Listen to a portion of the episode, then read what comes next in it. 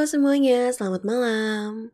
Biru datang lagi dengan episode yang kali ini edisinya spesial buat para warga yang lagi kesepian yang malam harinya lagi perlu kasih sayang karena ada seseorang yang mau menemaninya di setiap waktu via suara. Asik. Bersama aku, Langit Biru, dan aku berusaha untuk membuat kalian dan menjawab pertanyaan kalian tentang apa sendiri itu nggak apa-apa biru. By the way, gimana kabarnya kalian? Kalau hari ini kurang baik, yang lagi bad mood, atau yang lagi ufobia nih karena ngeliatin konten-konten galau, orang-orang yang bucin di sana sini, terus ya pokoknya kayak muak aja deh gitu sama semua perbucinan duniawi. Selamat, kamu berada di podcast yang tepat banget hari ini. Dan minggu ini biru lagi kerasa kayak mimpi banget karena ternyata bersorak bahagia sudah menginjak 100k Aku senang banget karena hari ini bertepatan dengan biru ulang tahun, bersorak udah punya 100 ribu teman-teman baru dalam kurun waktu 4 bulan. Dan itu merupakan anugerah terbesar aku karena aku punya keluarga baru yang sebegitu sayangnya sama biru, sama Ji, dan juga sama teman-teman di bersorak. Dan berdasarkan request tertinggi dari kalian tentang sendiri pun tidak apa, maka pembahasan ini aku rasa perlu. Perlu untuk mengisi kekosongan hatimu dan keyakinan bahwa pilihan yang kamu pilih saat ini adalah pilihan yang tepat. Dulu, ada yang pernah bilang sama aku bahwa menjadi jomblo itu adalah sesuatu yang mengenaskan. Eh, jangan emosi dulu. Aku tahu nih para pendengarku ini pasti di antaranya banyak banget yang jomblo. Terus rasanya tuh jiwa-jiwa penyendirinya tuh langsung terbangkitkan ketika aku bilang, ah jomblo itu mengenaskan, masa iya? Emang sebenarnya jomblo itu mengenaskan ya? Hmm, pernah gak nih ketika kalian tuh lagi scroll di sosial media, entah di aplikasi apa pun, Terus tiba-tiba kalian menemukan ada postingan-postingan seseorang yang lagi unggah ke story atau feedsnya dengan pasangannya yang lagi so sweet banget. Terus kamu kepikiran, ini aku kapan ya? Pernah gak mikir kayak gitu? Iya, kapan ya kita? Kapan ya bisa memiliki seseorang seperti mereka? Seseorang yang selalu mengusahakan ada untuk kita, sesederhana seseorang yang diajak berbagi cerita tentang hal-hal konyol dalam hidup kita. Atau sederhananya, tentang hal-hal penting sampai hal-hal tidak perlu dan ditemani untuk sesuatu yang kau rasa kau nggak kuat untuk sendiri. Banyak momen-momen dalam hidup ini yang ingin kita bagikan kepada orang itu. Ketika kamu menyadari bahwa kesendirianmu ini adalah hal yang membosankan, kamu mulai beranggapan bahwa nggak ada yang mau nih kayaknya sama aku. Aku itu kurang banget ya. Ada yang salah dengan aku. Atau memang Tuhan belum mempertemukan aku dengan dia ya? Tapi kapan Tuhan? Kan aku juga mau kayak mereka. Terus akhirnya muncullah kata-kata di sosial media. Tetap bertahan menjomblo di tengah era gempuran ayang. Nih hujan-hujan ayang-ayangan gini di sosial media tuh lagi ramai banget dibilang. Udah cukup lama sih dibicarakan, tapi kalau aku inget-inget, sampai sekarang memang dasarnya tuh aku sempat mikir, ini kapan ya orang yang jadi jodoh aku itu datang di kehidupan aku. Padahal umur aku tuh masih 21 tahun loh hari ini. masih cukup panjang untuk bisa menemukan si jodoh ini. Sampai akhirnya terlintas pertanyaan dalam diri aku. Ini pertanyaan wajib yang harus kalian tanyakan sih ke diri kalian sendiri.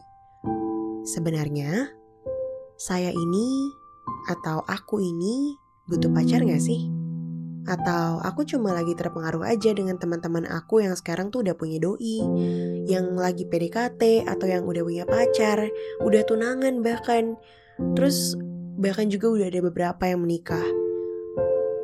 Kayak ini orang-orang tuh masing-masing udah dipertemukan dengan semua takdirnya, kok aku belum ya? Jadi keinginan aku untuk sendiri itu perlahan-perlahan tuh digerus dengan rasa ingin didampingi oleh seseorang karena orang-orang di sekeliling aku udah menemukan pasangannya gitu. Kalau kamu bicara dengan versi mini aku, biru di masa kecil, pemikirannya tuh masih sangat-sangat minim. Aku langsung milih aja deh, udah pacaran kalau emang udah saling suka juga, terus udah saling sayang. bukan artinya gampangan. Pernah kan pasti kalian ketemu seseorang yang, wah gila, ini dia udah sekelop banget sama aku. Kayak bener-bener gak ada lagi deh kayaknya yang bakalan kayak dia. Terus merasa pas dan ya udahlah jalanin aja sama dia. Pasnya itu loh, definisi pas saat pikiran aku dewasa itu gak sederhana saat aku sekarang gitu. Pasangan yang aku cari itu udah bukan lagi buat sekedar uuan. Jadi kalau ada beberapa di antara kalian yang masih berpikir pacaran di umur udah 20-an masih buat ya udahlah sekedar jalanin aja, aku kurang setuju tentang itu.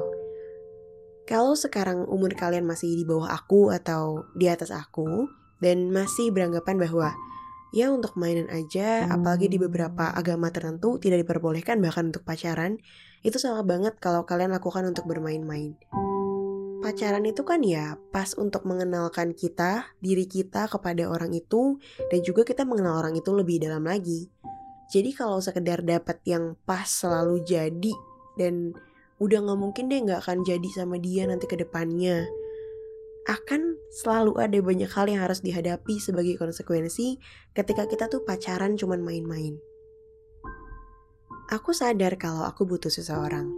Aku butuh seseorang yang memang ada untuk aku karena aku ingin membagikan waktu aku, cerita aku, sesederhana seseorang yang ingin aku ajak bicara tentang semua hal tanpa lelah. Aku senang karena aku menyadari itu. Aku menyadari bahwa aku membutuhkan seseorang, sehingga saat aku menemukannya, aku akan jauh lebih menghargai keberadaannya. Aku yang sekarang itu udah harus mikirin banget bibit, bebet, bobotnya tuh gimana. Bukan juga artinya, ih biru pilih-pilih banget sih kalau milih orang. Loh iya, pilih-pilih dalam arti yang positif itu baik. Kita mau beli baju aja kita milih-milih mana yang sesuai dengan bentuk tubuh kita, mana yang sesuai dengan ukuran kita, mana yang sesuai dengan selera kita, mana yang warnanya paling baik, atau mana nih yang menurut kita paling pas buat kita. Masa untuk memilih seseorang yang bakalan sehidup semati dengan kita, kita nggak menentukan ukuran-ukurannya? Kalau dibilang picky banget sih gitu ya, ya harus picky dong. Karena kalau untuk memilih pasangan, itu kita benar-benar sekali untuk seumur hidup. Jadi jangan salahin orang-orang yang mungkin sampai sekarang di usianya dia udah cukup bisa dibilang bukan usia pernikahan di Indonesia dan dia masih belum menemukan pasangannya karena kata orang tuh dia pilih-pilih. Jujur, itu gak sepenuhnya salah. Gak salah juga untuk dia menentukan kalau memang jalannya bukan dengan orang itu. Ingat ya, kita gak perlu menghakimi seseorang yang bahkan kehidupannya gak merugikan kita. Pernah sih aku dan dua sahabat aku nih bertukar pikiran tentang pacaran yang mereka inginkan itu seperti apa sih. Kami bahkan tiga orang manusia ini saat usianya masih ada yang salah satunya kepala satu dan dua di antara kami sudah berkepala dua, sudah dengan lantang bisa menyuarakan. Yang jelas, kalau milih pacar, udah mau diseriusin ke jenjang berikutnya lah. Udah harus bisa dikomunikasiin tentang segalanya. Segalanya itu apa? Ya pekerjaannya, keluarganya, bahkan riwayat penyakitnya. Penyakit loh, yang mungkin kamu anggap sepele, tapi buat aku enggak. Aku pernah lihat tuh di TikTok. Aku lupa nama username-nya apa. Yang jelas pasangan ini sudah enam tahun pacaran dan akhirnya ketika mereka mau memutuskan untuk menikah dan mereka cek di laboratorium, ternyata ada penyakit yang akan membuat kemungkinan untuk anaknya tidak bisa bertahan hidup. Kemudian mereka akhirnya memutuskan untuk berpisah satu sama lain karena menurut mereka mereka udah gak bisa lagi bareng. Itu baru dewasa. Dewasa walaupun sulit setengah mati. Ya iyalah sulit. Sulit banget untuk berpisah dengan orang yang udah hubungannya lama, udah banyak dilalui bersama dan juga memutuskan untuk hampir ke tahap pernikahan. Makanya sejak awal, kalau kamu emang berpikiran serius dengan pasangan kamu yang ngomongin soal penyakit bawaannya, ya karena itu akan menyelamatkan hubungan kamu dengan dia. Jangan sampai nanti udah kelewat sayang, udah susah untuk lepasnya karena kesalahan sendiri. Jadi karena ada banyak banget pilihan dalam menjalin hubungan dengan seseorang, kamu gak seharusnya menggampangkan kata bersama. Gak apa untuk sendiri. Selama kamu masih nyaman dengan diri kamu, gak apa untuk sendiri karena kamu merasa mungkin belum siap untuk membagi diri. Ketika kamu memilih untuk membersamai seseorang, kamu gak akan bertanggung jawab atas kebahagiaannya. Lebih tepatnya, semua orang bertanggung jawab atas kebahagiaannya masing-masing. Namun, saat kamu memilih untuk membersamai seseorang, kamu harus siap untuk mau membagi diri kamu dengan dia. Sebagian dari diri kamu itu akan dipengaruhi oleh dia. Kamu harus bersedia untuk dilarang gak pergi dengan seseorang, dilarang beberapa hal tertentu, mengalahkan ego untuk kepentingan bersama seperti, Ru, aku gak suka kalau kamu balik malam di atas jam 11 ya. Aku tahu pekerjaanmu itu melelahkan dan ya pasti memberatkan.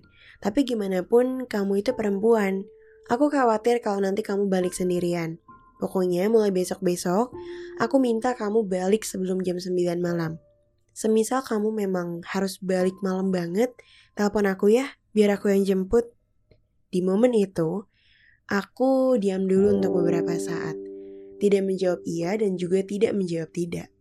Memutuskan sesuatu yang sudah menjadi kebiasaan kita itu sulit sekali untuk diubah. Ya tapi mau gimana? Posisinya saat itu aku memang harus menyatakan bahwa kata-kata dia juga ada benarnya. Ruh, coba sini. Dia membetulkan letak rambutku.